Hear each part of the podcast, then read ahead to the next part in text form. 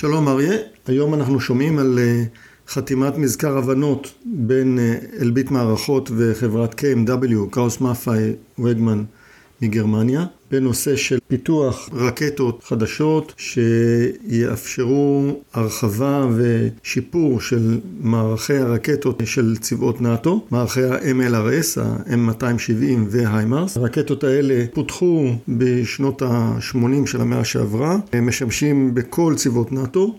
ובהרבה מדינות אחרות, כמובן גם בצה"ל. על פי ההסכם, אלביט וקראוס מאפאי יפעלו יחד אה, כדי לפתח את המערך כולו, החל מהרקטות אה, בעלות טווח ודיוק משופרים, וכלה ביכולות אה, אימון, הדרכה והכשרה לצוותי ההפעלה ולטכנאים שיוכלו לטפל במערך הזה. בהחלט חדשה מעניינת וחשובה, מציבה את אלביט מערכות בראש חץ של פיתוח רקטות לצבאות נאט"ו. ומכאן לנושא שלנו היום. עד כה רקטות הארטילריות הופעלו בעיקר על ידי הגוש המזרחי, קרי רוסיה ואוקראינה בעימות הזה. הופעלו עד עכשיו בעיקר רקטות לא מונחות בכתרים שונים, החל מ-122 מילימטר הגראד, 220 מילימטר האורגן ו-300 מילימטר סמרץ'. זה רקטות שהטווח שלהם מגיע בין 40 ל-80 קילומטרים.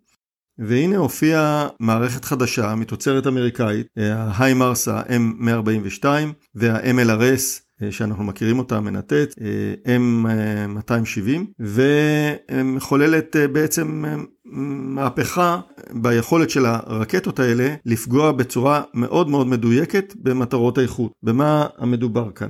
רקטות ההיימרס וה-MLRS פותחו בתחילה כרקטות מצרר.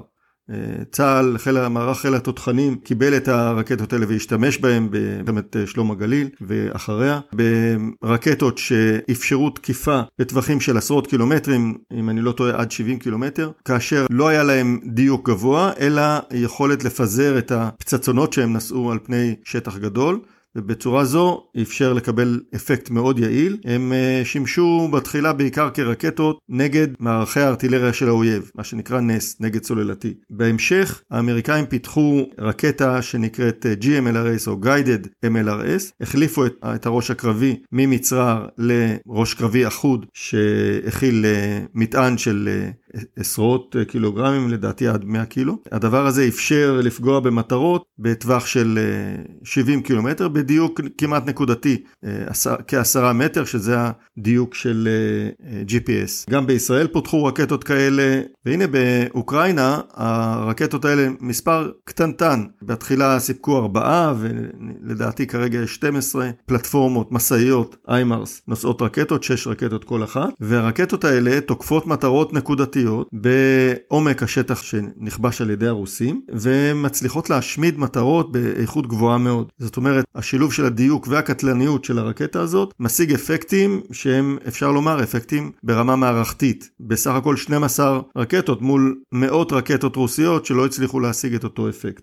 כאן בא לידי ביטוי השינוי, באיזה סוגי מטרות מדובר. בתחילה האוקראינים הלכו על אה, מצבורי תחמושת של הרוסים, שוב בעומק השטח, קידמו את המשאיות האלה כמה שיכלו, בהתגנבות, אה, כמעט התגנבות יחידים אה, על הכבישים, ירו לעבר מטרות שכנראה איתרו אותם באמצעות צילומי לוויין, כי מצבור תחמושת אפשר לראות בהזרמה של, ה, של התחמושת אליו במשאיות שמגיעות, מצבורים שהולכים ונבנים, וכאשר הם, uh, המטרה הזאת היא ודאית, תוקפים אותה ברקטות, המטרה מאוד מאוד רגישה, רוסים אה, משתמשים בתחמושת אה, מיושנת שהיא מאוד דליקה ומתפוצצת בקלות. במערב כבר עברו מזמן לתחמושת שהיא נקראת insensitive munition, זאת אומרת תחמושת שהיא פחות רגישה לבעירה והיא חייבת פיצוץ כדי להתפוצץ. כמובן שכשמשהו מתפוצץ הכל מתפוצץ, אבל במידה ויש דלקה בסביבה הן לא נדלקות בקלות. האוקראינים הצליחו באמצעות התריסר משאיות האלה להשמיד אה, מספר די גדול של מצבורי תחמושת כאלה, ש... שגרמו להקטנה די משמעותית בכוח האש הרוסי. היעד הבא שלהם היה גשרים באזור אה, העיר אה, חרסון. דרום שטח שנכבש על ידי הרוסים.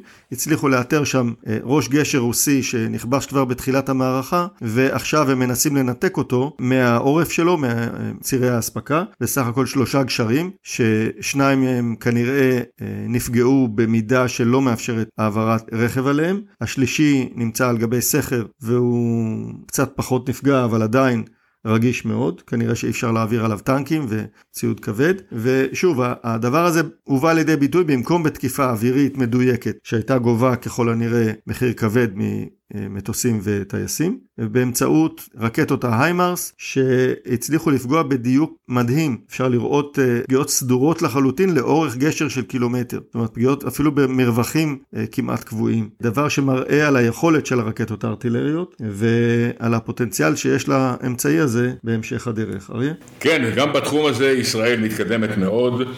אה, אלו עובדות שלא כולם מודעים להן, אבל התעשיות הביטחוניות הישראליות פיתחו אה, כמה רקטות ארטילריות מדויקות. כשאני משתמש במושג רקטות, בחברות האלה אומרים אתה טועה, אלה טילים, זה כבר לא רקטות, זה עניין של סמנטיקה.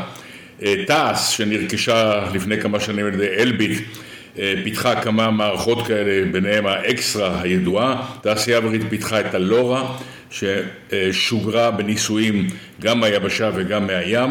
מדובר ברקטות, טילים מאוד מאוד מדויקים לטווח של עד כמה מאות קילומטרים, ואם להסתמך על דיווחים מסוריה, אז בכמה מהתקיפות הישראליות בשנים האחרונות השתמשו בטילים, ככה הם טענו, אמצעי התקשורת בסוריה, הם טענו שנורו טילים מכיוון רמת הגולן, ניתן להניח כמעט בוודאות שהשתמשו שם בטילים, רקטות מונחות מתוצרת ישראל, ששוגרו בצורה מדויקת לעבר מטרות איראניות בסוריה. זה מפחית את הסיכון מחיל האוויר. לא שיש היום איום גדול מצד אה, הנ"מ הסורי על חיל האוויר, בכל מקרה אה, השימוש ברקטות, טילים, קרקע-קרקע גבר. העניין שהרקטות האלה עוררו או מעוררות כרגע באוקראינה, גם הוא יגביר כנראה את הביקוש למערכות האלה, וגם בתעשיות הביטחוניות הישראליות נערכים לחוזים חדשים, שכן פותחו פה מערכות כאלה ברמה גבוהה מאוד, לא כולם נחשפו, וכרגע יש ויכוח במערכת הביטחון מה לחשוף, מה לשחרר לייצוא, זה ויכוח שתמיד מלווה את המערכות הישראליות, אבל אין ספק שבעולם יתעוררו וירצו להשתמש ברקטות, טילים כאלה, בכל מיני עימותים עתידיים. אנחנו נמשיך לעקוב אחרי הנושא ונעדכן אתכם. תודה תמיר.